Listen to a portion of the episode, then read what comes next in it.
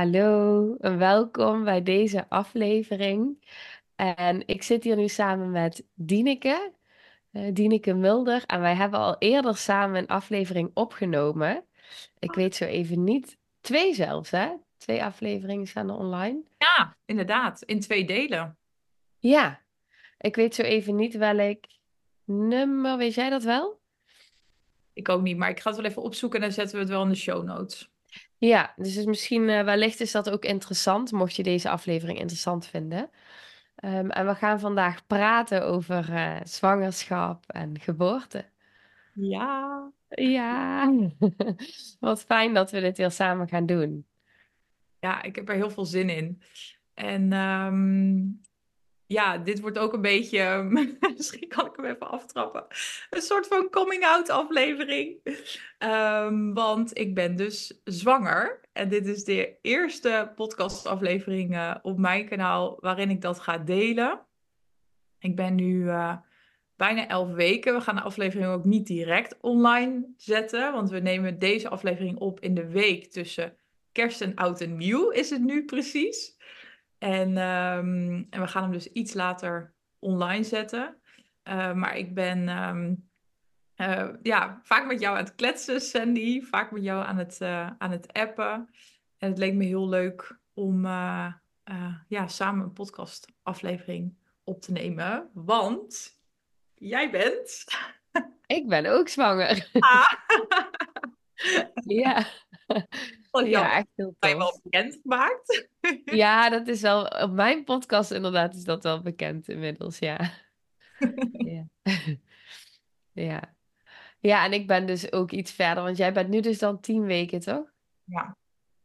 Ja, maar dat is dus volgens mijn eigen berekening. Want op dit moment hebben wij de eerste echo nog niet gehad. Uh, wij hebben ervoor gekozen om de eerste echo de termijn echo te laten zijn. Dat zou dan zijn met elf weken. Dus dan uh, weet ik ook ietsjes beter hoe ver ik ben. Ik heb zelfs nog getwijfeld of ik überhaupt de termijn wilde laten uitrekenen. Um, maar daar kan ik zo wel even iets meer over vertellen. Ja, dat is wel interessant. ja, de, ik voel wel gelijk dat ik denk, oh, uh, wil je daar meer over delen? Zal ik dat direct delen? Ja, ik vind het wel interessant, dat, want dat is natuurlijk wel een van de dingen waar je vrij snel over nadenkt. Ja, klopt. Ja. Ja, want misschien nog uh, uh, een stapje terug, of waarom ik dacht dat het leuk was om deze aflevering met jou op te nemen. Um, wij hebben altijd, of allebei vanuit een andere hoek, heel veel interesse in, in persoonlijke ontwikkeling. Ja. En, um, um, en we hebben allebei, jij hebt inmiddels al twee zwangerschappen doorgemaakt. Voor mij is dit mijn tweede zwangerschap.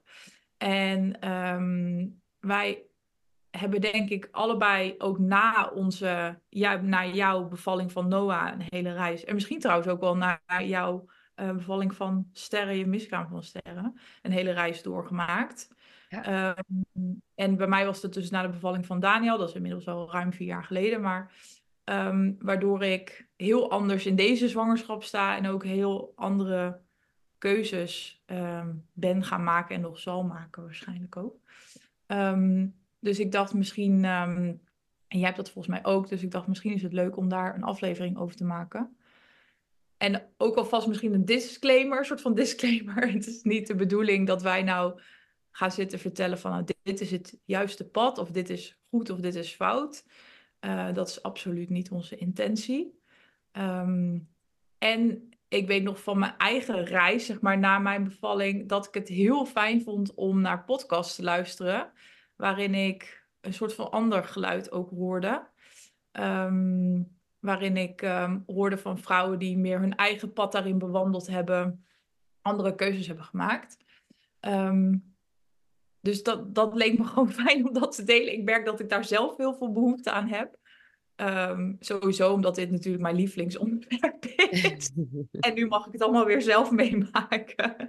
dus dat leek me leuk. En ja, ik vind gewoon... Uh, jij hebt ook je eigen podcast natuurlijk. Um, en ik vind jou, uh, jouw afleveringen super boeiend. Vooral de afleveringen van de laatste tijd die je met Ellen hebt opgenomen... over jullie tweedaagse bij... Ja we, hebben, ja, we hebben eerst een... Uh ja, ik weet even niet hoe dat heet, maar een middag in ieder geval gehad bij Anne van Waal. Ja. En daarna een uh, tweedaagse verdiepingsdagen. Ja, en daar hebben jullie een aantal podcastafleveringen over gemaakt. Nou, die heb ik echt verslonden. die vond ik zo interessant. Voor degene die niet weet trouwens wie Anna Verwaal is. Zij is heel bekend ja, geboorteconsulent is ze volgens mij officieel. Maar ze heeft heel lang, ze is Nederlands, maar ze heeft heel lang in Amerika gewerkt. Um, heeft heel veel onderzoek gedaan en is bij heel veel bevallingen geweest. Geeft TED-talks inmiddels en lezingen over de hele wereld. En um, ja, zij heeft zich verdiept in de, even kijken hoor, de pre- en de peritinale psychologie. Pre- en perinatale psychologie. Ja. Ja. ja. ja. ik moest in het begin ook even wennen aan die... Uh... Maar ja, dat is het. En dat is echt. Um, ik heb me sowieso de afgelopen jaren echt al veel verdiept in ontwikkelingstrauma. Dus echt vroeg kinderlijk trauma. En um, ik heb het heel erg, ben het heel erg tegengekomen ook in mijn werk en bij opstellingen. En uh, nou ja, het komt gewoon echt naar je toe dan. Uh, ja. En toen ik me er nu dus nog op een andere laag in ging verdiepen bij Anna Verwaal, dat heeft zoveel betekend. Echt, uh, het werkt nog steeds door. Echt heel bijzonder. Ja. Ja, ik vond het ook heel, nou ja, sowieso denk ik die podcastafleveringen die je daarover hebt opgenomen. Dus de meeste met Ellen samen, toch daarover? Ja, ik ben eerst heb ik er een paar met Ellen opgenomen samen. En daarna ben ik uh, eigenlijk ook nog wel daarover doorgegaan. Omdat het zo bij mij, ik deel altijd mijn reis. Ja. Dus um, ja, omdat het zo nu momenteel ook in mijn reis zit, deel ik er wel veel over. Ja, ja ik vond die echt, uh, ik vond ze heel interessant, heel boeiend. Ja, mooi om te horen. Ja, dus dat is een beetje een hele lange inleiding waarom, uh, waarom we hadden bedacht, oké, okay, laten we ook een aflevering um, samen maken over gewoon uh, nu onze reis in deze uh, zwangerschappen, zeg maar onze beide zwangerschappen. Ja. Um, waar hadden we het net over? Oh ja, ja, de, de, de echo's. Nou, laten we met de echo's beginnen. Dan. Ja, want je wou eigenlijk ook, dat gaf je natuurlijk net van tevoren in het voorgesprek ook aan, dat je het eigenlijk ook wou hebben over uh, ons proces naar zwanger worden toe. Ja. Um, is dat iets wat fijn is om misschien eerst te doen, zeg maar, dat dit als vanzelf komt? Ja, dat is goed. Ja, dat we echt bij het begin beginnen. Ja, precies. Hoe jij ja. wat zei je? Jij beginnen? Ja, dat wil ik. Um, dan moet ik even goed teruggaan, dat ik het goed vertel. Wat is, een wat is best interessant was bij ons, was dat... Um, we hadden natuurlijk, we hebben natuurlijk Noah. En ik heb tot augustus heb ik uh, borstvoeding gegeven. Maar op een gegeven moment, na een tijdje, dronk hij niet meer van mijn borst. Dat is een heel ander lang verhaal. Um, maar toen ben ik dus heel veel gaan kolven. Dus ik heb een hele lange periode heb ik gekolfd. En in mei ongeveer, april, mei, begon dat langzaam terug te lopen. En werd zijn behoefte ook minder aan melk, zeg maar. Ja. Dus dat ging eigenlijk ook weer als vanzelf. En ik weet dus dat ik daar echt wel een hele lange periode in heb gehad van het afbouwen van, die, uh, van dat kolven. Ja. Um, daar ging ik ook wel een beetje door een rouwproces. Ik weet niet of je ja. dat... Ja, dat herken ik, ja. Ja, ja, dat voelde echt... Uh... Ja, dat was echt al een proces. Ook overigens toen hij stopte met drinken aan mijn borst. Dus al die processen werken natuurlijk mee. En tot augustus voelde ik ook heel erg... Er gebeurde zoveel al zo lang aan mijn lichaam. Natuurlijk eerst draag je een kindje, nou dan de hele tijd al dat voeden en dat kolven. En ik had echt, naar mijn man toe heb ik best wel een lange periode uh, echt, echt zoiets had gehad van, uh, kom alsjeblieft niet te veel aan mijn lijf, want er gebeurt al zoveel en ik wil mijn lijf eerst weer terug, zeg maar. Um, ja, ik weet niet of dat ook herkenbaar is. ja. Ja. Heel lang, nou oké, okay, back off. Dit is echt, als jij nou, dat. wil, dan is dat echt too much. ja, en ik merkte dus ook dat ik daardoor heel erg ging uh, twijfelen aan mezelf. Uh, dat ik dus dacht van, oh jee, is er iets, is er iets mis met mij? Komt er door alle processen waar ik in zit? Ja. En, maar het was gewoon even, mijn lijf zei gewoon even nee. Maar dit was heel even tussendoor. Ik vind het zo interessant. Want ik hoorde jou dit trouwens in een podcast volgens mij zeggen. Of de eerste podcast toen je volgens mij deze zwangerschap, dacht ik, aankondigde. Ja. vond het heel mooi dat je dat zei. Eén, omdat dit niet heel veel wordt besproken.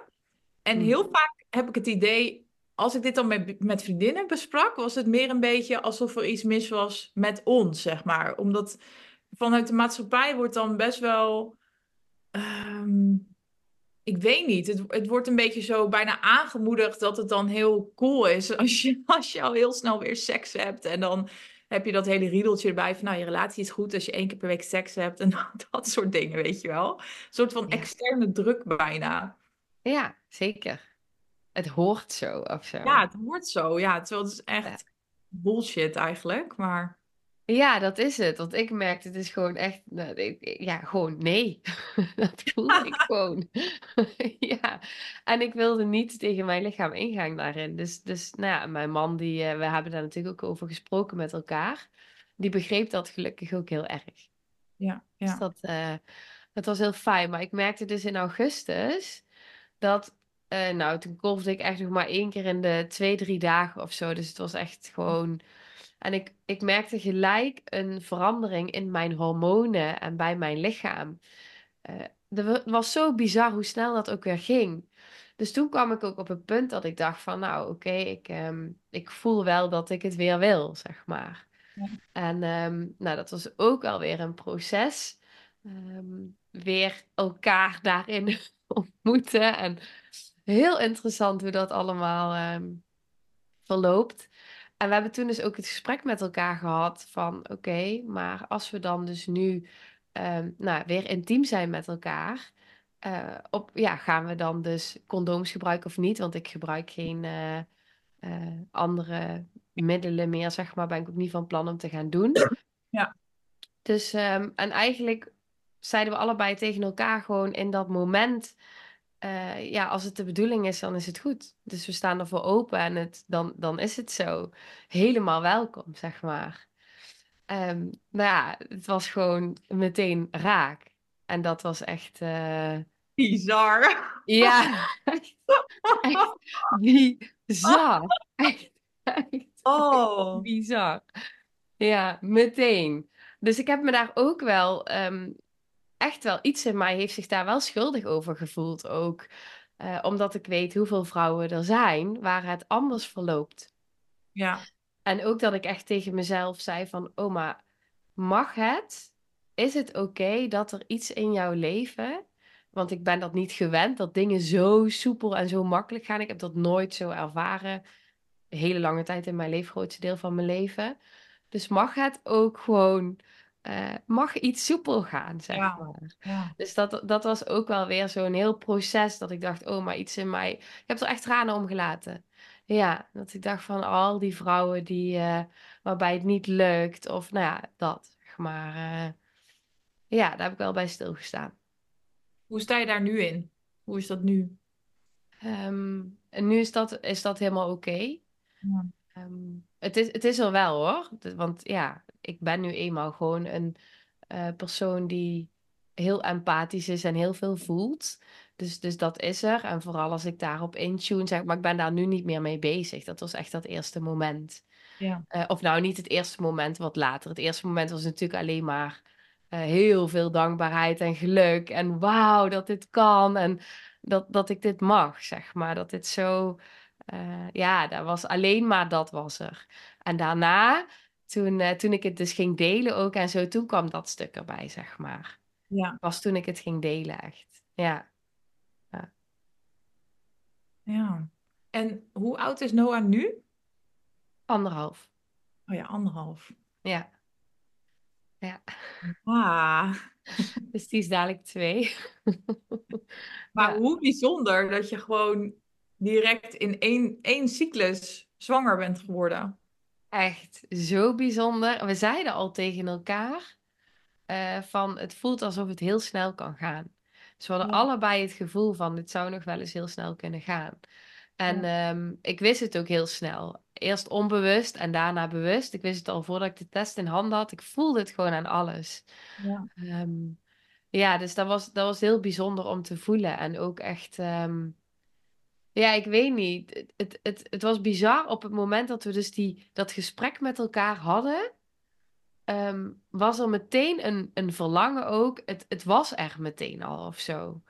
Dus ja, heel bijzonder hoe dat, eh, hoe dat, hoe dat werkte. Het is echt, ja, instant gewoon. Heel bijzonder. En ik vond Ja. het ook mooi wat je zei over, ehm, want dat hoorde ik je ook in je eigen aflevering zeggen. Dat je zei van ja, ik ben best wel gewend dat alles ehm, in mijn leven eh, veel moeite kost, heel zwaar is. Heel herkenbaar trouwens. Ik werd me opeens bewust van dat dat inderdaad ehm, ook een soort van overtuiging wordt of zo. Ehm, in, Hm. in je hoofd. Ik herken hem ook hoor. En dat dat dus ook kan meespelen inderdaad in het proces van zwanger worden. Ja, van het zal wel weer een heel Ja. proces worden of zo. Ja, terwijl dat, dat had ik nu dus niet. Dat is dus het grappige. Ja, Ja, want we voelden allebei van, oh ja, maar dit... En, en dat is dus ook wel het interessante. Als ik dan terugreflecteer op de afgelopen jaren, sinds al het innerlijke werk wat ik heb gedaan en ehm, nou, al, alle heling, ehm, heb ik dus het gevoel, en het voelt bijna voor iets in mij alsof dat niet mag, maar het voelt dus alsof alles in mijn leven zo moeiteloos gaat. ja, Ja, alsof echt alles gewoon eh, naar mij toe komt. En het is niet met alles, het is niet helemaal waar wat ik nu zeg. Maar heel veel dingen gaan gewoon moeitelozer dan ik ooit had kunnen bedenken, zeg maar. Mm. En dat is er, dat, ja, dat is eigenlijk daarmee wil ik zeggen dat waar je ook staat. Dus als je dat kent, dat je je leven tot nu toe heel moeilijk en, en nou ja, dat dingen niet makkelijk gaan. Het kan dus wel keren. ja, dat klopt. Ja, Ja, het is heel herkenbaar. Het is ook echt een. ehm, Ik had die nooit zo door, zeg maar, in mijn bewustzijnsreis. Die is echt pas later gekomen, dat die zo diep zit. Ik weet nog dat ik. ehm, ik heb heel lang het gevoel gehad in mijn leven van. Nou, ik, ik sta altijd. Dat was een beetje mijn overtuiging. Ik sta altijd met alles 2-0 achter. Eh, omdat ik heb meegemaakt wat ik heb meegemaakt, zeg maar. Met heel veel dingen had ik dat. En ik weet nog dat ik. ehm, ehm, heel vaak jaloers was op vriendinnen. Niet zozeer, eh, weet je wel, de vriendinnen die merkkleding hadden of veel geld of zo. Dat boeide mij niet zo. Ik was vooral jaloers op vriendinnen die in mijn ogen een heel stabiele ehm, thuissituatie hadden gehad. Die heel met, met, gewoon met twee ouders bij elkaar waren, super lief. Die gewoon heel stabiel waren opgegroeid. En in mijn ogen nu ook super stabiele mensen waren geworden. Waardoor ze dus niet 2-0 achter stonden in het leven. En die overtuiging heb ik echt heel lang gehad. ja. Maar die speelt, die gaat dus op heel veel vlakken door. Het is heel interessant. Die zit heel diep. Ja, dat is natuurlijk ook heel begrijpelijk, want inderdaad, op het moment dat je een hele andere jeugd hebt gehad, Ja. ehm, dat doet iets in je hele zijn, in, in, in je hele lichaam, en zowel emotioneel als fysiek, als spiritueel, als eh, eh, met je mindset. Dat doet gewoon iets. Dat is ook gewoon echt zo. Ja, Ja. dus dan sta je als vanzelf al, ehm, ja, al meer achter. Ja, is het meer achter? Ja, het kan voor iets zo voelen. Ja, nu kijk ik er inmiddels anders naar. Maar Ja, het heeft precies. zo gevoeld van ik moet harder werken.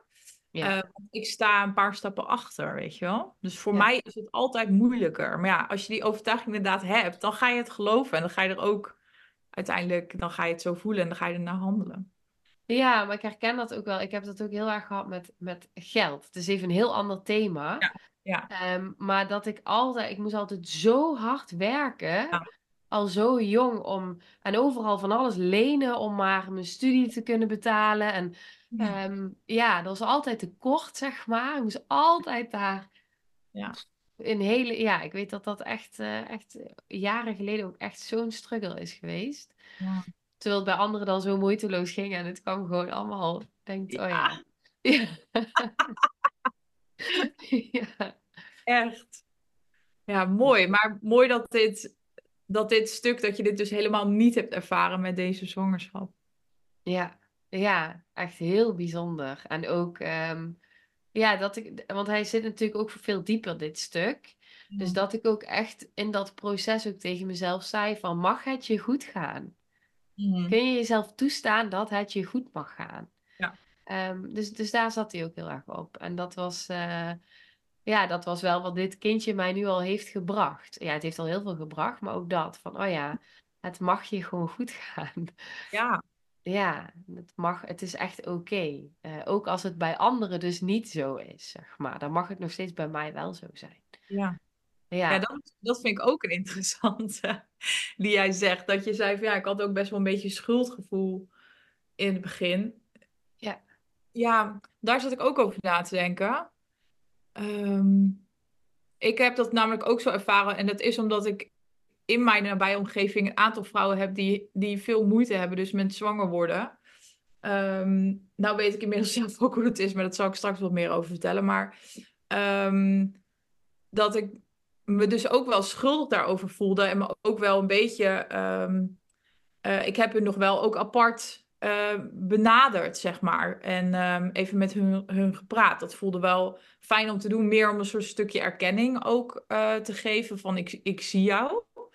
Ja. Um, en aan de andere kant vind ik het ook een beetje dubbel. Want ik heb het gevoel dat um, als ik bij hun ben, dat ik me een soort van beetje moet inhouden. Ik weet dat dat mijn eigen gevoel is, maar zo ervaar ik dat nog een beetje. Want niet te veel ja. praten en zo, weet je wel. Um, en daarnaast vind ik ook dat het best wel. Um, ik weet niet of dat nou iets van deze tijd is. Ja, ik denk het wel. Maar het wordt ook heel erg vanuit de maatschappij benadrukt van dat het um, wel heel bijzonder is als, je, als het je dus lukt om snel zwanger te raken. En de, je wordt natuurlijk constant met die cijfers om de oren gegooid. Dat één op de vier stellen uh, moeite heeft met, um, met zwanger worden.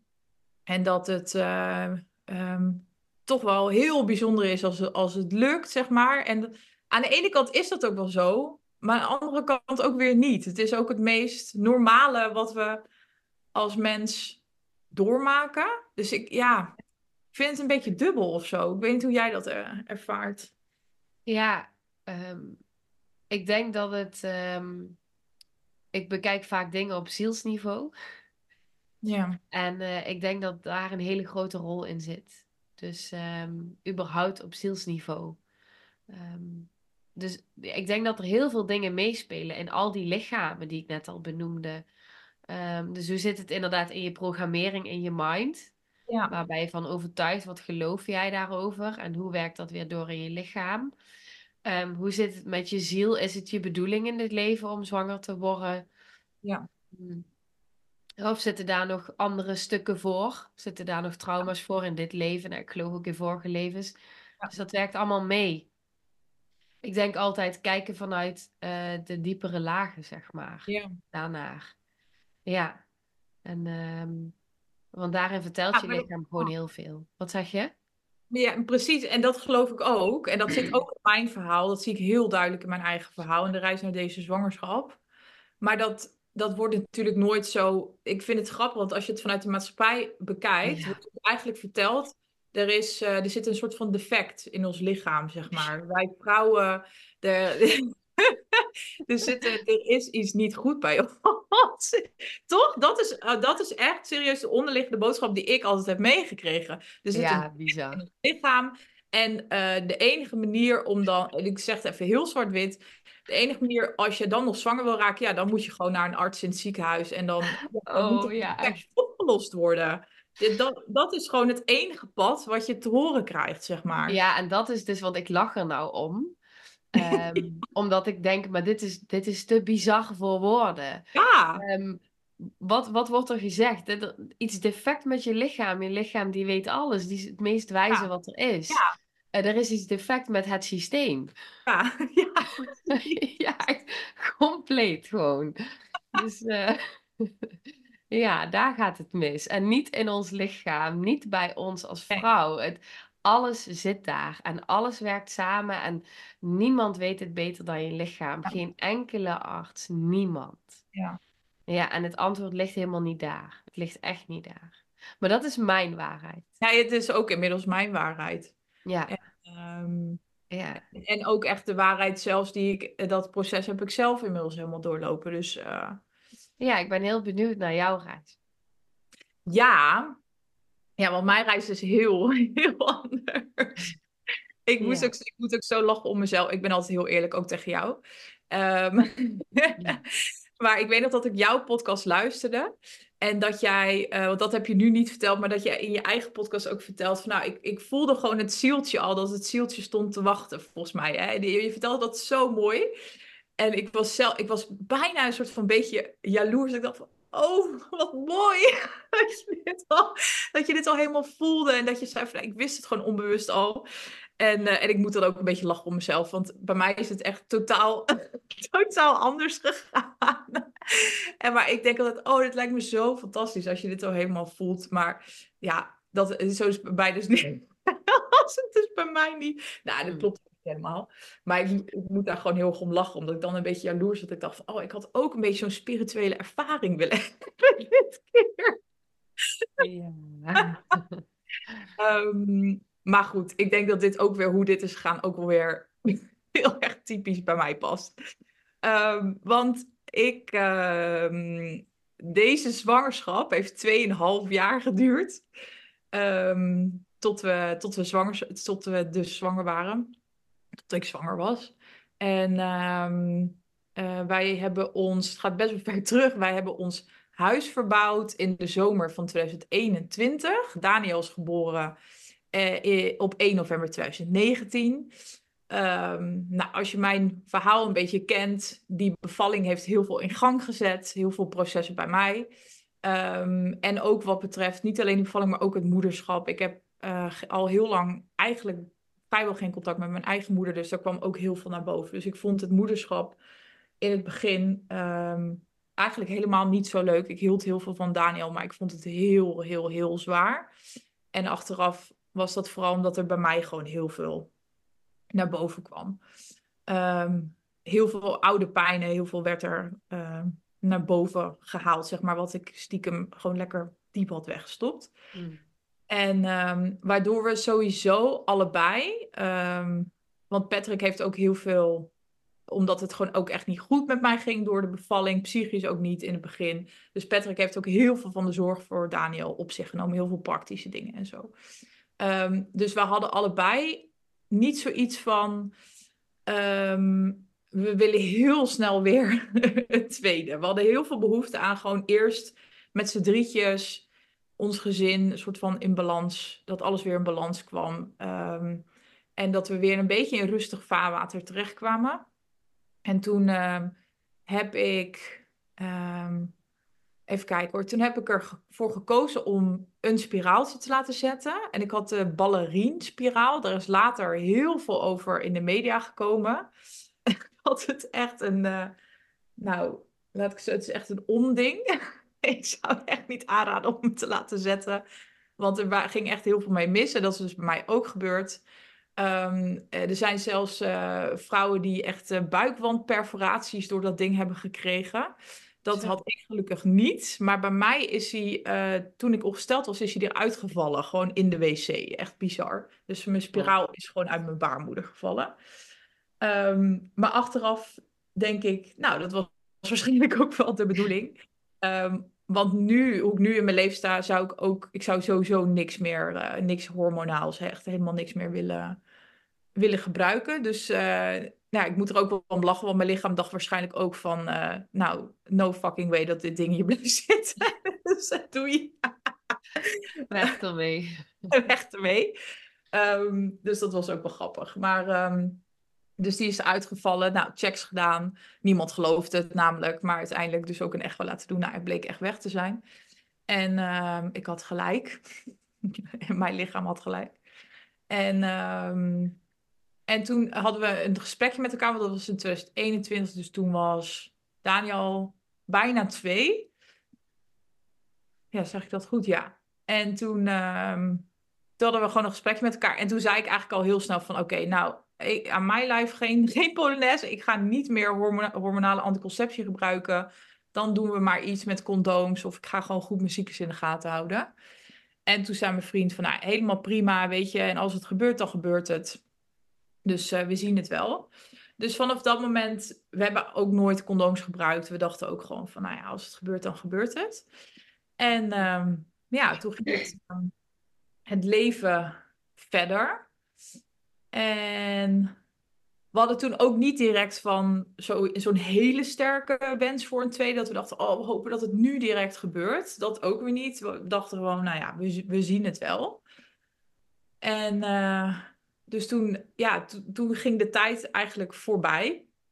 En um, um, uiteindelijk werd die wens wel steeds iets sterker. En, oh ja, en ik ben uh, eind 2021 heb ik mijn baan in loondienst opgezegd. En toen ben ik dus voor, uh, voor mezelf begonnen. Dat was ook best wel bijzonder, want mijn cyclus was altijd 40 dagen of langer. Um, toen ik dat spiraaltje liet zetten bij een gynaecoloog, toen zei zij ook, want toen had ze zo'n inwendige echo gedaan en toen zei ze, volgens mij heb jij een lichte vorm van PCOS, want toen ging ze die eibaasjes checken volgens mij. Toen zei ik van, nou dat kan wel kloppen, want mijn cyclus is ook heel lang, maar daar heb ik verder niet iets mee gedaan. Ik heb geen vervolgonderzoeken of zo gedaan. Oh, hij blijft hangen.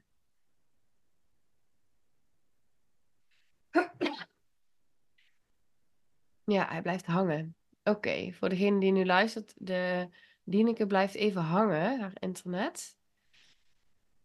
En ik moest even niezen, want ik ben best wel verkouden. Misschien had je dat al gehoord. Uh, ja, even wachten. Misschien dat ze er even uitgaat en dan weer in. Even kijken.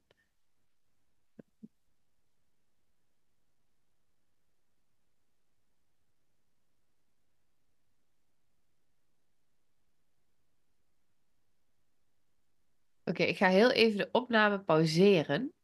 Oh, ze gaat er nou ook uit. Oké. Ik ga even de opname pauzeren, dat kan namelijk. En dan uh, komen wij zo bij je terug als het gelukt is. Uh, dan zet ik hem weer op play. Oké, we zijn er weer. We zijn er weer. We zijn er weer.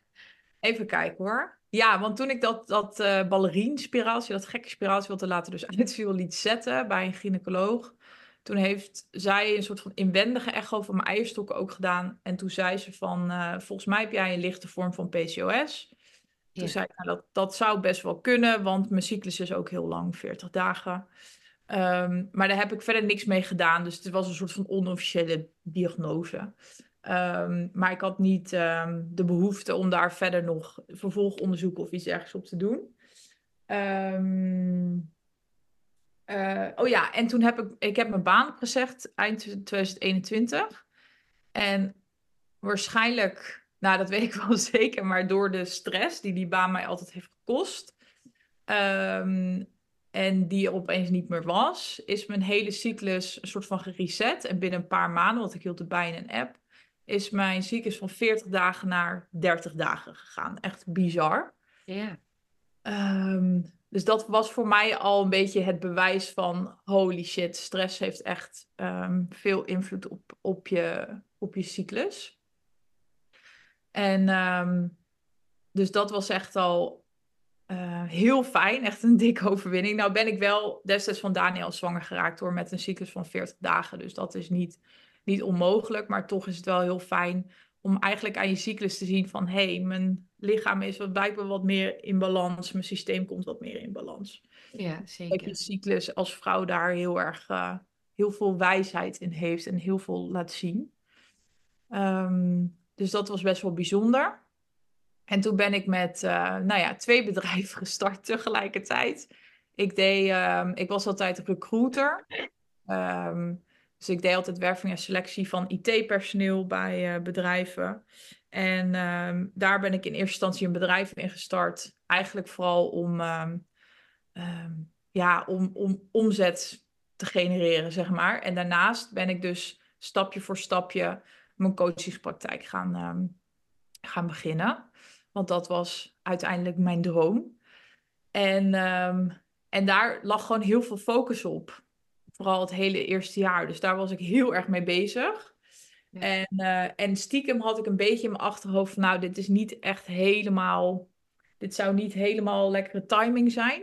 ik ga nu zwanger raken.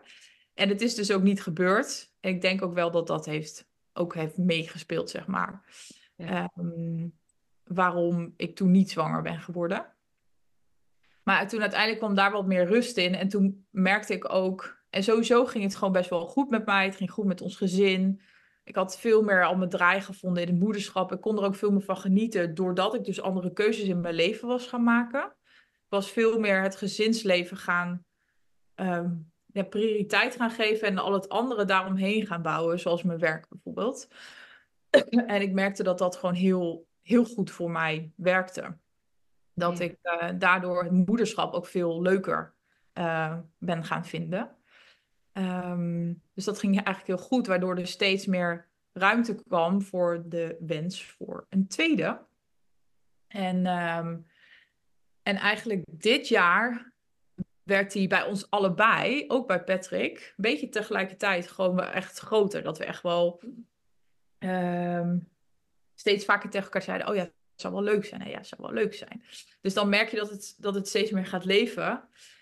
En dan begin je ook opeens af te vragen van... hé, hey, we zijn al best wel lang bezig. Ja. Nou ja, bezig, bezig. Maar goed, het had al best wel lang kunnen gebeuren. Het is nog niet gebeurd. Um, dus toen ben ik wel daar wat meer mee bezig gegaan. Ook af en toe mijn eigen podcast wel wat dingetjes over verteld. En, um, en dan ga je ook nadenken van ja, in, in, de, in het reguliere circuit ga je, dan gaan de meeste mensen na een jaar proberen, gaan ze naar de huisarts en dan uh, ga je eventueel zo'n traject in het ziekenhuis starten. Um, maar ik had, dat, ja, ik had daar wat andere visie op. Voor mezelf dan. Omdat ik. Um, ja, mijn waarheid is dat. Um, dat het, ja, zeg maar, het moeite, in mijn geval, hè, dus het feit dat ik dan moeite had om uh, zwanger te raken, um, ik zag dat heel erg als, blijkbaar heeft mijn lichaam een reden om nog niet zwanger te worden. En wat is dan die reden? En daar wilde ik graag naar op zoek. En dan kan je aan de ene kant, ehm, als je start bij een bovenste laag, kan je kijken naar voeding en supplementen. Dus waar heb ik eventueel tekorten, weet je Hoe kan ik het aanvullen? Dus ik ben een vriendin van mij. Fysieke laag. Ja. ja. De fysieke laag echt, zeg De fysieke laag, ja, thank you. Ja. uh, dus daar ben ik eerst mee gestart. En dat heb ik toen ook destijds bij Daniel gedaan, maar meer dan door zelf boeken daarover te lezen. En nu ben ik naar een vriendin van mij gegaan, die is orthomoleculair therapeut. Dus daar heb ik een, een bloedtest gedaan. En uh, me door haar laten adviseren om bepaalde supplementen en bepaalde dingen niet meer te eten. Uh, dus uh, vooral gluten bijvoorbeeld en suiker en zo. Um, en nou moet ik zeggen dat ik daar wel iets mee heb gedaan, maar niet super streng. Want dat is ook een beetje mijn valkuil. Ik kan heel streng voor mezelf zijn. En dan ga ik opeens van de een op de andere dag, ga ik dan alles overboord gooien, zeg maar. En um, waardoor het ook niet echt meer leuk wordt. een soort van martelgang bijna. Dit niet eten, dat niet eten. Um, dus ik heb nu heb ik het iets meer. Um, ik heb, ben er iets anders naar gaan kijken. Ik ben vooral gaan kijken van oké, hoe kan ik in de basis zorgen dat ik voedzaam eet? Dus bij mij was dat bijvoorbeeld de keuze om in het membership van Health for Wealth te starten. En dat is, dat is een stel en die uh, die hebben onder andere, ze hebben, bieden meer dingen aan, maar uh, hij is uh, kok. zij kookt volgens mij inmiddels ook best wel veel. En um, ze hebben dus een membership en dan krijg je drie recepten per week. En dan kan je zelf boodschappen doen, zelf koken. Maar het is super voedzaam. Dus het is glutenvrij, lactosevrij, suikervrij. Nou, echt met heel veel groenten en zo. Dus ik dacht, nou, dan ga ik dat in ieder geval doen, die supplementen. En, maar ik ga niet mezelf te veel druk opleggen. Um, want ik weet dat dat gewoon niet, uh, niet voor mij werkt. Dus daar was ik mee begonnen. Maar ook wel een beetje naar de diepere laag gaan kijken. Want ik wist dus al van oké, er was best wel veel. Uh, een heel groot gedeelte stress al weggevallen. Door uit loondienst te stappen. En niet meer elke dag naar dat kantoor. En een beetje mijn toneelstukje op te voeren. Zo noemde ik dat altijd. ik denk, ja, gewoon heel erg in die. Uh, ik zat heel erg in die bewijsdrang en um, um, ja, mezelf bewijzen. Eigenlijk een beetje een soort van jezelf verbergen en je anders voordoen, zeg maar. Zo heeft het denk ik altijd gevoeld en dat kost gewoon stress. Dus, maar ik geloof ook weer dat stress verschillende lagen heeft. Dus aan de ene kant heb je stress, weet je wel, je dagelijkse stress. Bijvoorbeeld als je gewoon een, een, een baan hebt waar je eigenlijk niet gelukkig van wordt. Maar je hebt ook stress die veel dieper zit. Ehm, ja, even denken hoe ik dat voor mezelf dan moet uitleggen. Bij mij was dat meer gewoon onverwerkte emotie, trauma, ehm, die in mijn lichaam zit. Dus aan de ene kant gaat dat heel ver terug. In mijn geval naar mijn kindertijd. Heeft te maken met de relatie met mijn moeder. Ehm, maar ook wel, ik begon me op een gegeven moment ook wel af te vragen. Want ik heb heel veel werk gedaan op mijn bevalling. Maar ik wist ook. oh, Sorry. Ik heb zo met je te doen. Sandy is heel erg verkouden. ik dacht, ik moet even mijn neus sluiten. Ja, die verkoudheid, ja. Ehm, maar ik, op een gegeven moment dacht ik ook van, ik ben ook wel benieuwd wat er nog... Ik had heel erg het gevoel dat er heel veel uh, woede nog in mij zat. En ik denk een beetje een combinatie van mijn, van mijn bevalling, maar ook wel vanuit vroeger. Ja. Ehm, ja, dat was een beetje mijn, mijn Heb eigen... je die ooit kunnen uiten als kind? Je nee. Moeder? Nee. Oké. Nee. En dat is heel goed om dat erbij te benoemen, inderdaad. Want um, ik ben dus opgegroeid met een moeder die... Um, een heel kritische moeder. Ja. Um, ja. Heel kritisch. Het was nooit goed genoeg. Heel sturend. Um, weinig verbinding, weinig liefde. Dus ik en mijn manier, mijn coping om daarmee om te gaan. Want uh, wij probeerden altijd dan, ik heb nog een broertje en een zusje. Eigenlijk wat we constant probeerden is te vermijden dat mama boos zou worden, zeg maar. Dat ze boos op je zou worden. Dus dat is ook altijd mijn. Um, in mijn patronen komt dat heel, heel veel terug. Dus mijn, mijn diepste angst is dat iemand boos op mij wordt. Dat vooral, denk ik. Of, um, of dat ik afgewezen word. Maar ja, als een ouder boos op je wordt, dat voelt ook denk ik als kind ook uh, als een afwijzing. Zeker. En um, dus wat er dan gebeurt is dat je al je eigen emoties binnenhoudt. Want ja, als je je emoties wel uit, dan is, er bestaat er een hele grote kans dat je moeder dus, dat mijn moeder dus boos zou worden. Ja, uh, en nog erger dat je dus inderdaad afgewezen wordt, ja. maar dus ook geen liefde ontvangt. Nee, precies. Ja, en dan als jij, wat jij net al bedoelde van ja, stress, uh, dit, dit is hem, daar zit hij. Ja. Het staat allemaal op in je lijf, want ja. het kan geen kant op. Ja. Dus dat, dat slaat op in je lijf en, en eigenlijk is dat ook um, tijdens mijn bevalling gebeurd. Ik heb heel veel, dat is mijn coping. Ik uh, houd alles binnen en ik uit het niet. Ja. Um, omdat ik bang ben dat iemand dan boos op mij wordt of afwijst. Nou, in de bevalling is echt, ja, het is zo'n bizarre metafoor eigenlijk voor het leven. Maar tijdens je bevalling ben je op je bijna je alle kwetsbaarst. Eigenlijk net zo kwetsbaar dat je bent als een klein kind. Ja. Want kinderen zijn ook super kwetsbaar en compleet afhankelijk. Tijdens je bevalling ben je ook super kwetsbaar en je voelt je compleet afhankelijk van de zorgverleners die om je heen zijn. Dus je voelt je, uh, ik voelde me althans toen heel erg afhankelijk van die zorgverleners. Dus ik schoot heel erg een beetje in de, ja, ik denk in de pleaser-rol en ik hield alles binnen wat ik op dat moment voelde. Ja. En um, ondanks dat ik best wel veel werk op heb gedaan, ja, het, het, ik denk dat het nooit helemaal hield, uh, zat er gewoon nog best wel veel uh, woede die ik eigenlijk nooit echt heb kunnen uiten. Um, en uh, ja, dit gaat, dit gaat natuurlijk best wel diep, want waarschijnlijk als je dit luistert, denk je: oké, okay, maar wat heeft dat dan te maken met, met een zwangerschap die uitblijft? Um, maar mijn waarheid is dat als je dus nog zoveel stress in je systeem hebt, dan staat je, je systeem of je zenuwstelsel, denk ik, in een soort van continue stand van overleven. Ja. En um, dan wordt er geen prioriteit gegeven aan een zwangerschap het heeft, eh, want ik heb daar toevallig laatst een podcast over opgenomen. Over inderdaad, als je dus uh, je woede als kind niet kan uiten. Mm. Maar jouw lichaam, die gaat inderdaad, jouw zenuwstelsel gaat gewoon in een bepaalde staat. Ja. In een staat van overleven. Dus op het moment dat jij altijd als kind hebt overleefd om te pleasen, dan komt dat continu in jouw leven, als dat nog niet geheeld is, geuit is, blijft dat in allerlei situaties terugkomen. En Ja. dat zie je natuurlijk in het dagelijks leven en misschien hele kleine dingen, in heel veel kleine dingen vaak. Vaak zit het in, in heel veel. Maar ja, tijdens een bevalling, ja, eh, dat is zoiets groots. Ja. Dan is het ook logisch dat, het, dat je lichaam reageert zoals die kent. Ja. En als dat dan niet getriggerd wordt in onveiligheid Ja. of afhankelijkheid of wat dan ook, ehm, ja, dan gaat jouw lichaam doen wat hij wat altijd heeft gedaan.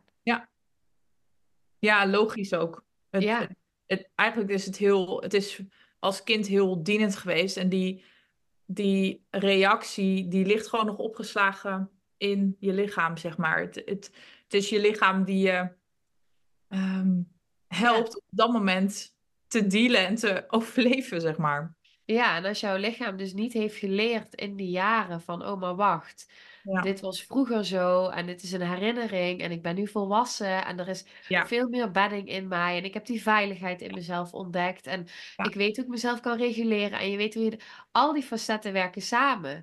Dus als jouw lichaam dat nog niet heeft geleerd eh, in die jaren, eh, hoe gaat hij dat dan in godsnaam doen tijdens zo'n bevalling? Of in een relatie, of in de supermarkt als je je afgewezen voelt, of waar dan ook. Maar een bevalling is natuurlijk zo groot. Ja. Eh, het is logisch dat daar ook de mechanismes op dat moment groter gaan zijn. Ja, ja ik, vind dat, ik vind dat dus super boeiend. Ja, dat is het ook. ja, ja, ik, ja, ik vind dat heel boeiend. En ehm, ja. ja, en ik denk dus dat dat, dus ja, je weet het nooit 100% zeker, maar ik voel heel erg dat dat bij mij heel erg heeft meegespeeld, waardoor het dus langer geduurd heeft. Maar ja, aan de andere kant, wat is lang? ja, weet je, ook dat wordt ons natuurlijk heel erg geleerd. Oh, het is zo grappig, vanaf het moment dat je bezig gaat met zwanger worden, heb je werkelijk in elke fase van het fucking proces een soort van tijdslijn die je wordt opgedrongen. Want, oh ja, Ja. wat is het gemiddelde om zwanger te raken? Ja, een jaar. Oh, ben je dan een jaar nog niet zwanger? Nou, dan is er iets mis met je. Dat, dat is de constante onderliggende boodschap die we te horen krijgen.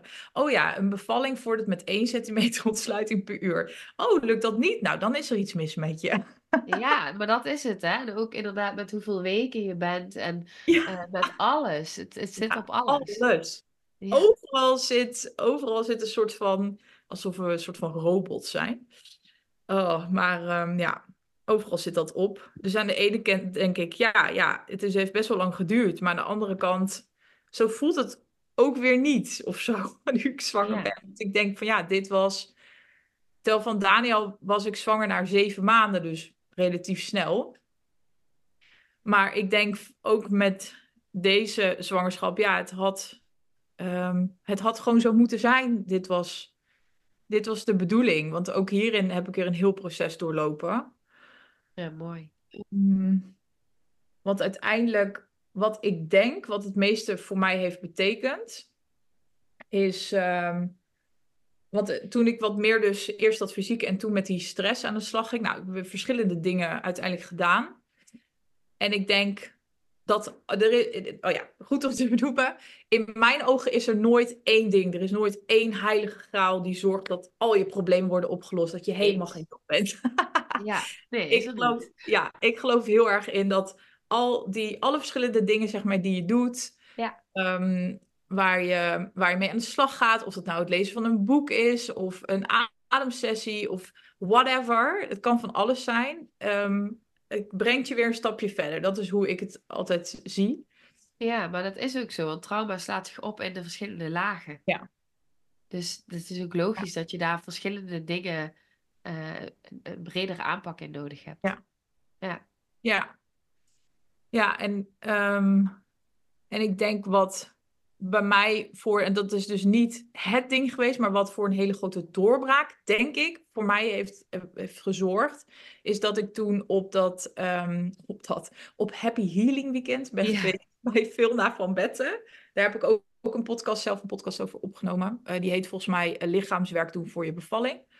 Dus als je dat leuk vindt. En jij bent ook bij Vilna geweest. Jij bent een hele week geweest. Is grappig, want ik ben dus echt jaloers op jou dat jij een hele week bent geweest. Dus het is echt, echt mijn droom om dan nog een hele week te gaan. Terwijl ik had zoveel weerstand voordat ik hierheen ging. Ik had er zo geen zin in. Terwijl ik ben echt verslaafd aan alles wat met persoonlijke ontwikkeling te maken heeft. En heel vaak heb ik echt zin om dingen te gaan doen. Maar hier had ik dus echt geen zin in. Ik voelde zo, zo ontzettend veel weerstand. En nu achteraf moet ik daar heel erg om lachen, omdat het heel veel zegt over juist hoe goed dit voor mij was. Hoe goed dit Ja, dat je dus al in proces was voordat je ging. Ja, Ja, ik, ja. het- ja, dat. ja, het was al aan de gang. Ja. Ja, ja. Ja, da- en dat is, ook- ja, dat is het. Want mijn lichaam, ja, ik denk dat mijn lichaam al aanvoelde van, oké, nee, zo diep willen we niet gaan. Ja, zeker. Er zijn, er zijn natuurlijk ons hele systeem, er zijn delen in ons die, die heel hard aan het werk zijn om ons daar vooral weg te houden. Eh, want, want, want ja, dat is, dat, daar zit alles. Dat is zo spannend voor iets in ons. Ja, Logisch dat dat, eh, dat, dat weerstand oproept. ja, nou precies dat. Want aan de ene kant, eh, mijn grote wens is dus om ooit nog een keer een hele week naar Vilna te gaan. Ja. En aan de ene kant denk ik, want het, het gek is, het voelt bijna een beetje verslavend om daar te zijn. Omdat de, ja, ik kan niet zo goed uitleggen, maar ja, ja jij snapt wat ik bedoel, maar de, de frequentie, de energie is heel hoog, zeg maar constant. Het is net alsof je in een soort van andere wereld bent, waar je gewoon continu goed voelt. En ehm, alsof je gewoon heel weekend aan het druk zit. Echt heel. Maar dan high on life. Oh, grappig, ja. zo, zo voelde het voor mij. Ik heb me echt, ehm, denk ik, ik zat ook in de auto terug. En normaal als ik een weekend wegga, dan ben ik gewoon helemaal gesloopt. Bijvoorbeeld, dat was wel leuk, maar wel gewoon gesloopt. Ja. En nu dacht ik, holy shit, ik heb veel energie. Ik zat helemaal te stuiteren in die auto. Ja. Terwijl we hadden hele lange dagen. Ja. En, eh, dus aan de ene kant, als ik dan aan die week denk, denk ik, oh ja, zin in. Oh, het lijkt me heerlijk om een hele week daaronder te dompelen weer, weet je wel. In zo'n bad met energie. Maar ik voel ook weer weerstand. Ik voel ook weer dat mijn lichaam zegt, oh nee, maar dan moeten we nog dieper gaan. Ja. Ja. Dus ja.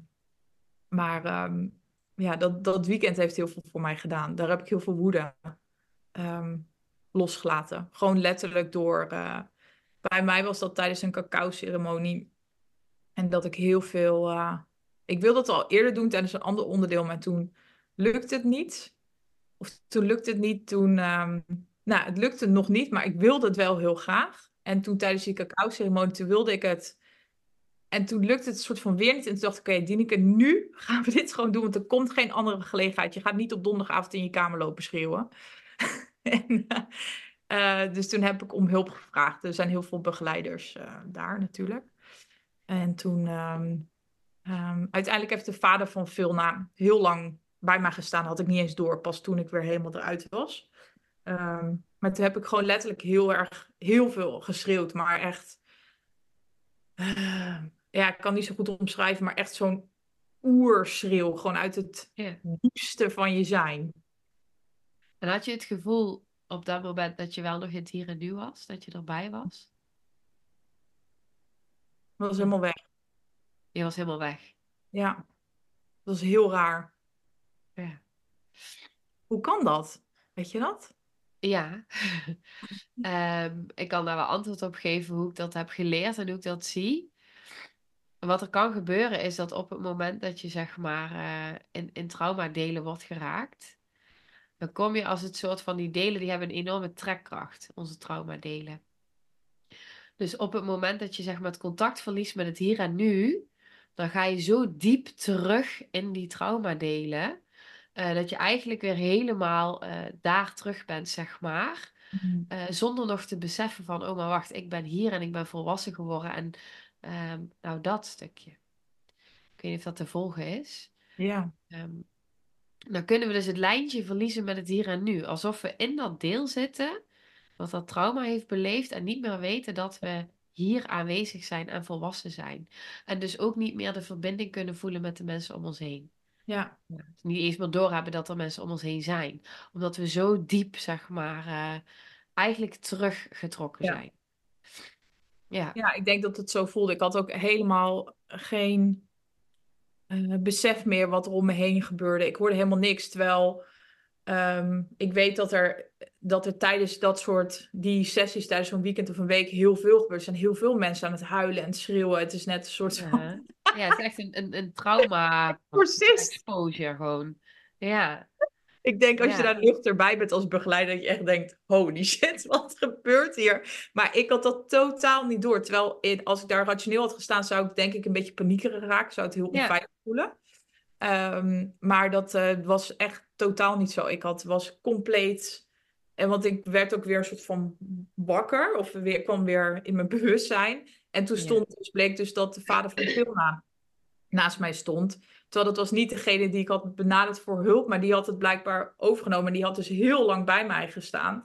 Ja. En dat, ik had geen idee. Dus ehm, En heb je, heb je dat vervolgens kunnen integreren?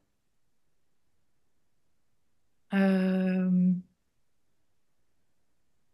Dus heb je zeg maar die pijn, die, die, die traumadelen van jezelf, die op dat moment dus waar je eigenlijk in zat, eh, Ja. heb je die thuis kunnen brengen bij jezelf? Ik weet niet of dit te volgen is, de vraag die ik stel, maar eh, ja, dat, ja, dat weet ik niet zo goed. ja. Ehm, ik voelde me wel heel goed daarna. Ik heb echt, eh, echt wel twintig keer gezegd van wow, ik voel me licht. Ik voel me licht. Ja, ja, Ik zei constant, er is echt iets, er was, er is echt iets van me afgevallen, zeg maar. Ja, ja. Fijn. Dus dat was heel fijn. Ja, zeker. Zeker. Ja, want ik vind het interessant om te vragen, omdat ehm, het kan zeg maar twee kanten op gaan. Dus ehm, inderdaad, wat jij aangeeft van het voelt heel licht en het voelt, eh, nou ja, ergens hoor ik daar een bevrijding in. Ja, Dus die is heel fijn. ja dat. Eh, want soms als we zo diep gaan en het contact met het hier en nu verliezen, eh, kan het ook betekenen dat we weer iets hertraumatiseren. Dus Oh ja, vandaar dat ja. ik even die, eh, Ja. die vraag stel, omdat ik benieuwd ben hoe jouw ervaring daarmee was. Ja, Nee, nee, zo voelde het niet. Het voelde heel Nee. bevrijdend. En ik, en ik zie ook echt... Het grappige is dat je dan pas later ziet van wat de veranderingen er allemaal zijn geweest. Eh, want ik ben dus onder andere direct daarna zwanger geraakt. ja Ehm, mooi. ja, en dan kan je aan de ene kant zeggen, ja, toeval. Maar ja, dat gelo- ik geloof dat van niet. Ehm, Ja. Ik vind het... eh, En ik weet ook nog dat ik... ehm, Er begon direct volgens mij daarna, ik werd opgesteld en toen begon er een nieuwe cyclus. En ik voel mijn ijsprong altijd heel duidelijk. Ik merk het aan alles. En ondanks dat mijn cyclus 30 dagen was, was mijn ijsprong altijd best wel laat. Dus echt op dag 18, 19. Terwijl het mooiste is als je ijsprong precies in het midden is. En dat ik dus opeens, ik zat ook in mijn app te kijken, ik denk, hè? Ik voel nu al mijn ijsprong. En dat hij dus, ehm, dat hij dus voor mijn gevoel vroeger was. En, dat, en, en die, op dat moment ben ik dus ook ja, zwanger geraakt, waarschijnlijk. Ja, Dat wauw. vond ik al heel bijzonder, Ja, super bijzonder. Echt. dat dat daarna gebeurde. Eh, dus Ja. dat is gebeurd, maar ik merkte bijvoorbeeld ook, ehm, ik voelde me altijd best wel opgejaagd. Ik had heel vaak een opgejaagd gevoel en dat kwam in heel veel dingen terug. Ik ook bijvoorbeeld als ik een- mijn, mijn eh, mamadag met Daniel had, had ik constant het gevoel van, we moeten allemaal dingen doen, weet je wel. Dus ik voelde, ja, ik kan niet zo goed omschrijven, maar con- continu opgejaagd voelen en niet rustig, gewoon niet kunnen zijn, niet goed kunnen zijn. En ehm, ja, dat is echt. Het grappige is dat ik dat nu pas me besef. Al- Als het er dan niet meer is, dan is het ook op- opeens het nieuwe normaal en dan heb je het helemaal niet meer door. Ja. Maar dat, dat is er gewoon bijna niet meer, dat gevoel. Oh, mooi. Ja, Ja, ik weet ook, dat is echt, dat, dat is echt super mooi, want daar zit natuurlijk ook gewoon veel wat daarin aan patronen zaten. En wat je vaak ook ziet, soms kun je ook niet helemaal de vinger erop leggen waar het dan precies in zat of zo, dat je verschillende lagen aanpakt. Maar dat maakt ook helemaal niet uit, want je merkt de verandering en daar gaat het over. ja, En ik weet dat ik het ook, wat ik dus ook zo mooi vond eh, toen, want ik ben natuurlijk dus een week bij Vilna geweest. ja. En ik heb dus ook die momenten meegemaakt dat dus nou die hele groep gewoon. Ja, Ehm, en ik heb dus gevoeld dat dat dus wisselend was bij mij. Dus het ene moment dacht ik echt, oh, oh, ik kan hier niet in mee. ja, En eh, ik moet mezelf afsluiten, want het is echt te veel. Terwijl er ook momenten waren dat ik mee kon in die energie van die groep. Want het voelde ja, heel veilig daar. ja, Eh, klopt. heel veel begeleiders, heel veel mensen. Dus ik voelde me echt heel veilig. Eh, dat heb ik niet vaak bij zo'n grote groep, want daar waren echt 60 mensen of zo. Dat heb ik die hele week daar echt ervaren. Eh, in zoverre ik me dan veilig kan voelen, is misschien goed. ja, Ehm, ja, hè, want het is natuurlijk altijd is er wel iets wat zich onveilig voelt. Dus ja, nou. Ehm, maar wat ik dus wel ervaarde was, er waren wel momenten dat ik mee kon in die energie van de groep. En waardoor ik dus, ik heb daar ook heel veel heling ontvangen in die week. Echt, eh, ja, echt heel mooi dat dat er is. Zo mooi. Ja, Ja, die veiligheid is heel belangrijk. Dat is echt de voorwaarde. absoluut. Ja, dat is, dat is, dat is echt. Daarom is het ook zo fijn wat jij deelde van. Ik heb hulp gevraagd, daardoor kon het. En eh, er stond iemand naast me. Want ook al dat je bewust niet door hebt dat er iemand naast je staat, jouw onderbewuste weet het natuurlijk wel. Ja, En ik geloof ook dat ons onderbewuste laat ons maar gaan tot zover we kunnen. Dus het feit dat je zo diep kon gaan, maakt ook dat iets in jou gewoon heeft gevoeld van het kan nu. ja, Waarschijnlijk omdat er ja, iemand ja, bij je stond. Eh, dus, dus, dus iets in jou heeft waarschijnlijk wel waargenomen dat er iemand was in het hier en ja. nu, zeg maar.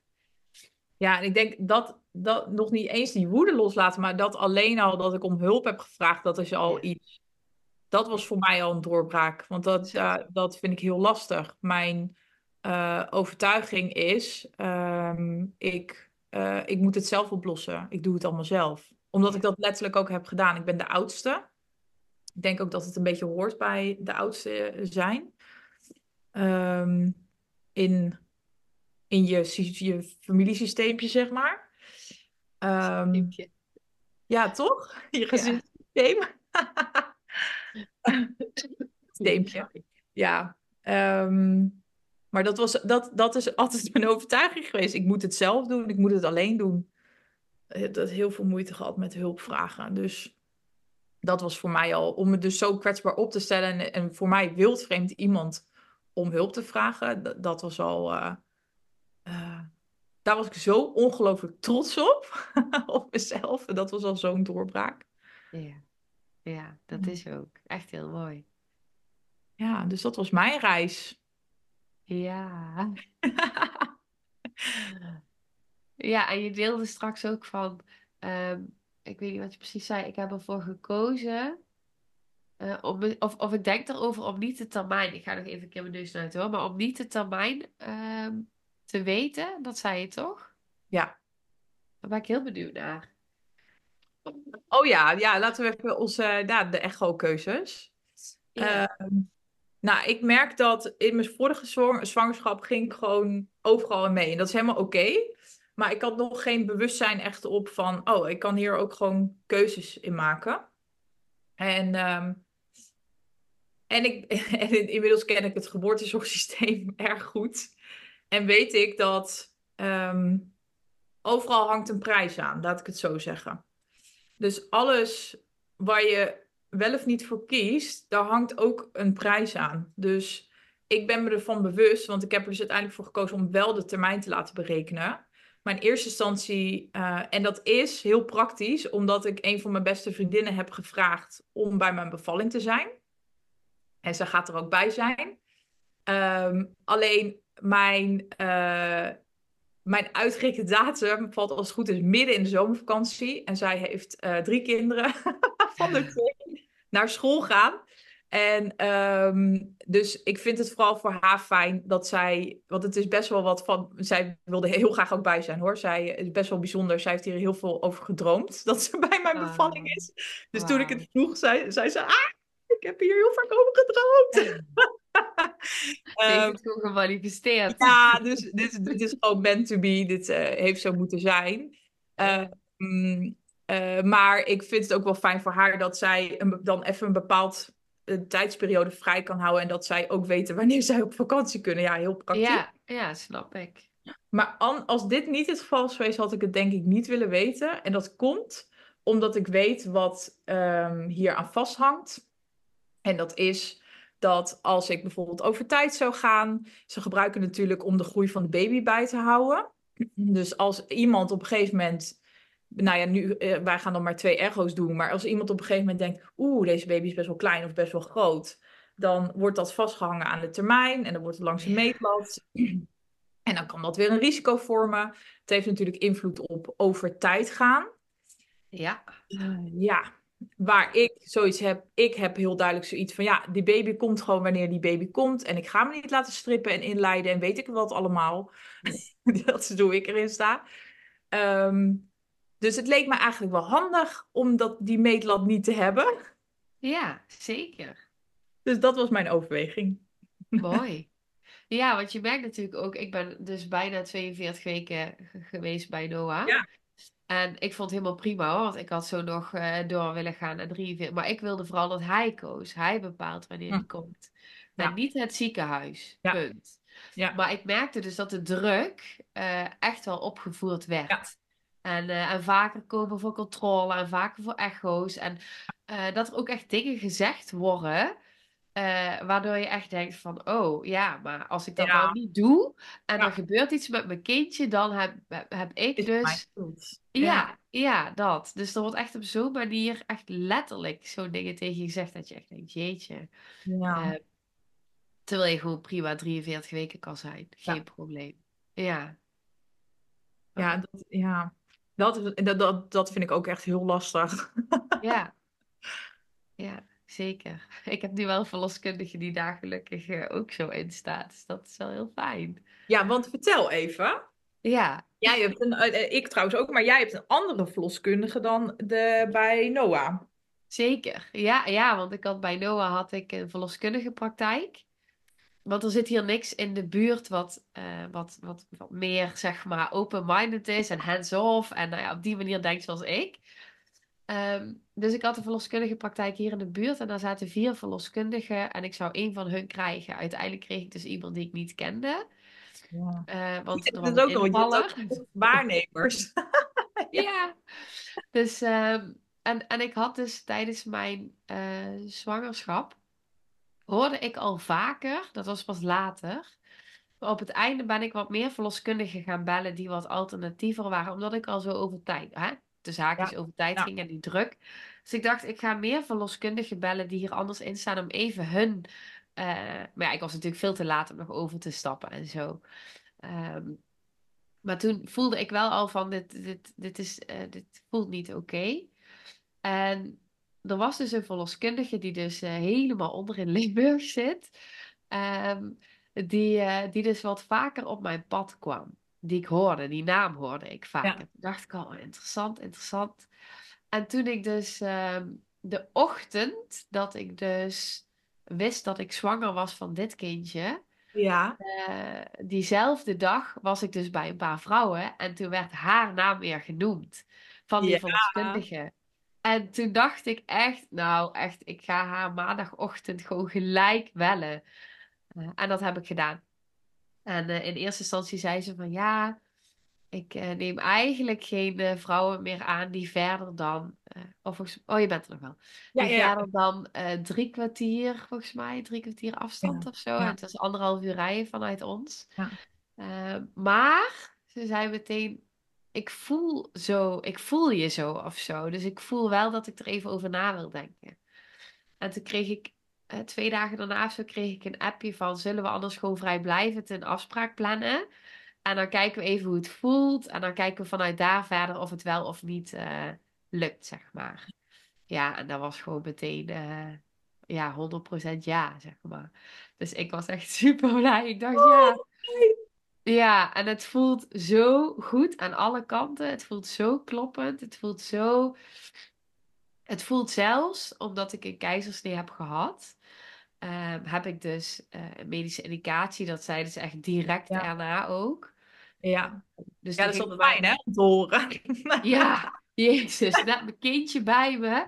Hebt Ja. nou medische indicatie, dus de volgende bevallingen moet in het ziekenhuis. Oh, dat zeggen ze ook, ja, moet, hè? Ja. Ja. Ja, ja, dus eh, meteen eh, alles op tilt, zeg maar, in mij. Ja. Maar het is heel fijn om het daar met haar over te hebben en alles gewoon te bespreken zoals het is. Ja. Wat zijn de risico's nu echt? Ja. Eh, ja, wat, wat is er allemaal zonder angst, zonder, maar gewoon echt vanuit vertrouwen en vanuit, eh, eh, ja, heel anders. Echt heel Zo fijn. fijn. Ja, ja, Is zij dan, is zij een caseload verloskundige? dat denk ik. Ja, want zij werkt gewoon, zij eh, werkt één op één alleen met jou, toch? Ja, ja, ja, ja. Ja. Ja, volgens mij Ja. is het een caseload want dan ehm, weet je echt van, oké, zij zij is het. Zij is het, ja, ja, absoluut. Ja. Tenzij ze ziek is of de been breekt, maar in principe... Ja. ja, dus dat, is, dat voelt echt, het voelt zelfs ook, en dat klinkt een beetje, nou nee, dat is niet helemaal waar, maar ik merk dat ik er nu heel anders in zit vanuit mijn lichaam, zeg maar. Ja. Veel meer, nog veel meer het vertrouwen op de wijsheid van mijn lichaam. Ja. En tegelijk voelt het ook, uh, als er dan, weet je wel, er is een verloskundige bij, sowieso. Ja. En zij is mijn, mijn beste kans op een natuurlijke bevalling. Zo Ja. voelt het voor mij. Ja, ja. Ja. Dus, eh, Hoi. En dan gaan we het gewoon zien hoe het gaat zijn. Dus ik kan daar ook heel erg in de overgave in zitten nu. Dat voelt echt heel goed. Oh, ik ben zo benieuwd. Ik heb nu al zo zin om jouw bevallingsverhaal te horen. Maar jij hebt dus ook, heb jij dezelfde verloskundige of een andere ook? Nee, nee ik, ehm, ik ben ook ehm, naar iets heel anders op zoek gegaan. Ik had dus de vorige keer ja, ook totaal nog geen weet van, zeg maar, hoeveel eh, invloed een zorgverlener heeft. Ook op, eh, op het verloop van je bevalling en hoe je deze ervaart, zeg maar. Ja, En dat hoe meer, ehm, ze hebben hier ook echt onderzoeken naar gedaan. Dus hoe meer continuïteit van de zorg er is. Dus dat betekent hoe meer vaste gezichten, hoe beter jij je zorgverlener leert kennen, hoe betere uitkomsten dat ook heeft, zeg maar. Dus, eh, en ik, mijn grote wens was een caseload-verloskundige. Alleen eh, Haarlem had tot nu toe één caseload-verloskundige. En die is met pensioen gegaan. Dus precies op het moment dat ik zo ik heb nog wel met haar gebeld, heel leuk gesprek gehad. Maar ze zei, ja, nee, ik, ik ga echt met pensioen. Ja. Um, en uh, ze zei, niemand anders uh, wil het overnemen. Dus dat, um, dat is wel echt heel jammer. Dat valt me sowieso een beetje op, voor mijn gevoel dat de vraag volgens mij naar caseload-verloskundigen toeneemt. Ja. Dat het aanbod afneemt op de een of andere manier. En ik denk dat het ook te maken heeft met... Uh, ook de medicalisering van de geboortezorg en dat, er, dat die protocollen en richtlijnen steeds, uh, ja, hoe zeg je dat, strakker worden. Dus Ja. het lijkt ook moeilijk voor zorgverleners Zeker. om daarin te werken. Dus ik ben ook heel benieuwd hoe dat de komende ja- jaren zal gaan. Um, maar goed, dus ja, geen uh, caseloadverloskundige, helaas. Ik heb er wel eentje in Leiden gevonden. Dus dat is dan 35 minuten rijden. Ja. Maar ik weet hem niet zo goed. Die hou ik een beetje in mijn achterhoofd. En ik, heb, ik ben nu begonnen bij... Daar heb ik ook een, een, best wel lange kennismaking gehad. Dus dat vond ik al heel fijn. Dat ze ook zeiden van... Nou, we doen altijd best wel lange kennismaking. En dan kan je dan besluiten of je er wil of niet. En dat is een duo-praktijk. Dus dat is met twee verloskundigen... Um, twee vaste. En de kans is het grootst dat een van hun bij mijn bevalling is. En ze hebben dan ook twee waarneemsters die ik ga ontmoeten. Maar de kans is kleiner dat zij er dan uh, dat een van hun erbij zijn. Maar dat is eigenlijk ja, de meest kleinschalige praktijk van Haarlem en omstreken. En um, uh, dus daar heb ik nu in totaal, even kijken hoor, ja, nu drie gesprekken gehad. Um, in totaal. Dus, um, dus tot nu toe is dat wel, wel goed. ik ben wel, ik merk wel dat ik iemand ben met uh, ja, wat andere wensen en dergelijke. Dus daar hebben we al wel wat gesprekken over gehad. Yeah. Maar ze gaan daar wel goed mee om. Ik heb ook al um, één keer mijn grens aangegeven. oh ja, en heb je je grens aangegeven? Nou, ze zei in het tweede gesprek had ik de intake. En dan gaan ze een beetje met zo'n computer zo'n heel formulier af. En toen vroegen ze naar mijn gewicht. Oh ja. En, um, en ik merk toch, als, als ik in zo'n gesprek zit, in het gesprek zelf vind ik het moeilijk om dan instant te bedenken van, oké, okay, maar wil ik hierop antwoorden of niet? Dus ja. ik ging gewoon heel eerlijk dat allemaal beantwoorden. En toen ging ze de computer, ging ze vervolgens mijn BMI lopen uitrekenen. Um, en uh, nou, ik ben best wel lang, niet super slank, maar ook, ik heb ook geen overgewicht, zeg maar. Maar toen zei ze van, nou ja, je zit wel net op het randje en uh, je mag maar zoveel kilo aankomen, wat anders dan, uh, nou, begon ze hele riedeltje, suikertest, zwangerschapsdiabetes, grote baby.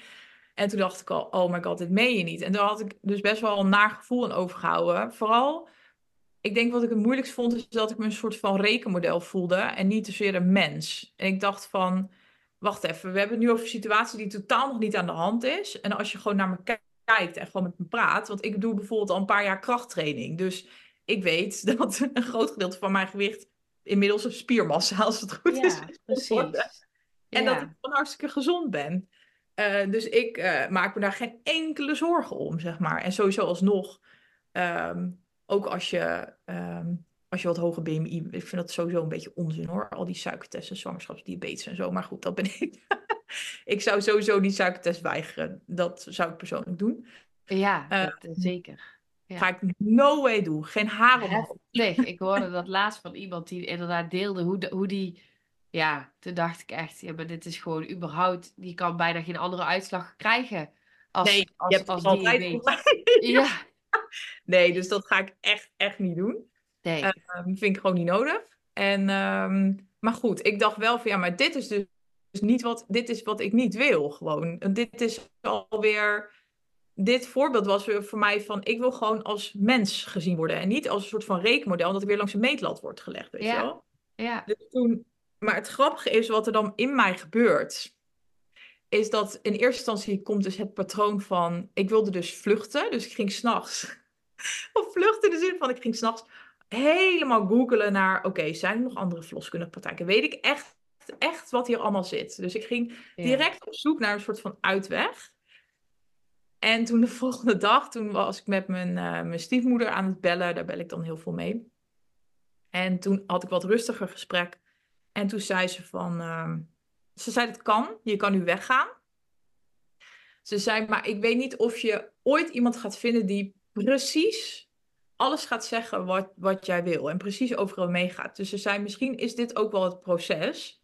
Dit gaat ook over ehm, uitspreken wat je behoeftes zijn. En je grenzen aangeven, zeg maar. En dat vind ik natuurlijk best wel spannend nog steeds. Dus toen eh, heb ik de volgende dag gebeld. En toen werd ik heel snel teruggebeld. En toen heb ik een heel fijn gesprek gehad. Dus toen heb ik echt aangegeven, ja, ik vond dit gewoon niet fijn. Want ik voelde me een rekenmodel en ik wil dit gewoon niet. Ja. Ehm, en ik wil niet dat er direct al zoveel weer focus op de risico's wordt gelegd. Precies. En, ehm, en daar reageerde ze echt heel fijn op. En, en ik weet op zo'n moment van de manier waarop iemand op dat moment reageert, dat is wel echt bepalend, zeg maar. Want het bepaalt of ik me veilig voel bij diegene of niet. Maar zij reageerde echt, ehm, echt heel prettig. Ze heeft ook haar excuses aangeboden en ze zei van nou, ik, eh, ik vind het heel goed dat je dit zegt, want ja, wij moeten ook gewoon jou leren kennen. En, en nu leer ik je steeds beter kennen wat je wel niet eh, fijn vindt. Dus eh, Mooi ja. dat je dat hebt gedaan. ja, dus dat was wel, eh, dat was wel goed. Dus ik denk ook van, ja, ik denk dat dit misschien ook wel mijn proces is, zeg maar. Ja. Ik, kan, ik kan wel weer wegrennen, maar daarmee ehm, ja, vermijd ik stiekem ook een beetje ehm, waar ik eigenlijk juist beter in wil worden en mee wil oefenen, zeg maar. Ja, het is inderdaad even zoeken daarin. Van wat is, wat is nu juist voor mijn proces? Ja, Ik weet dat ik daar dus bij mijn vorige zwangerschap, want ik herken dit heel erg, eh, dat ik daar dus heel veel eh, in heb kunnen doen voor mezelf. Bij mezelf blijven, eh, nee zeggen, dingen ondertekenen, grenzen aangeven. Dus dat heeft toen heel veel voor mij gedaan. Dat was toen mijn proces. En Ja. nu voel ik heel sterk, ja, maar dit, dit is helemaal niet wat ik op dit moment wil. Ik heb iets anders nodig. Punt. Ehm, dus het is heel erg zoeken van inderdaad, wat, wat, maar je mag altijd gaan. precies. Ja, mag altijd. En het is heel mooi dat je nu daar zo je lessen uit kunt halen van grenzen Ja. aangeven. Ehm, Ja, dat vind ik ook fijn om te weten. Want ik weet ook van, oké, eh, er zijn nog wel, als dit echt niet gaat werken, dan zijn er nog andere mogelijkheden. Eh, maar het voelt wel goed om te kijken van, oké, hoe gaat dit met hun, hoe, ja, hoe gaat dit werken, zeg maar. ja, kun je bij jezelf blijven, zeg maar, in die, in die hele Ja. reis. Ja, Precies. ja. Ik zit even naar de tijd te kijken, want Ja, ik kan we een uur doorpraten. Alleen ik weet dat jij, eh, moet gaan afronden. jij moet gaan afronden. Ja. Je hebt Ja. nog niet eens alles gehad. Nee, dus eh, misschien moeten we er nog wel eentje gaan plannen. Ja. Ja, lijkt mij wel leuk, want we hebben nog wel een paar onderwerpjes natuurlijk. Zeker. Dus ik zou vooral zeggen ook eh, tegen de luisteraar dat op het moment dat je dit nu luistert en je vindt het interessant, laat het ons vooral Ja. weten. Eh, en ook wat je dan nog graag zou willen horen en zo. Ja. Dan wij dat meenemen. Bij deze nacht helemaal dicht gewoon. Ja, Ja, ja, dus misschien is het ook wel goed dat we gaan afronden. Oh, echt. eh, ja. Ja, ik denk ook dat het eh, ja, wordt vervolgd. Ja, ik vond het heel fijn om, eh, heel fijn om zo even te kletsen. Ik ook. Ja, sowieso fijn om al deze onderwerpen gewoon zo te kunnen bespreken. Hoe we er naar kijken en ja, wat we daarin ervaren, zeg maar. Ja, Ja. heerlijk. Ja, Oké, nou, tot de volgende dan. ja, tot de volgende en dankjewel. Jij ook bedankt.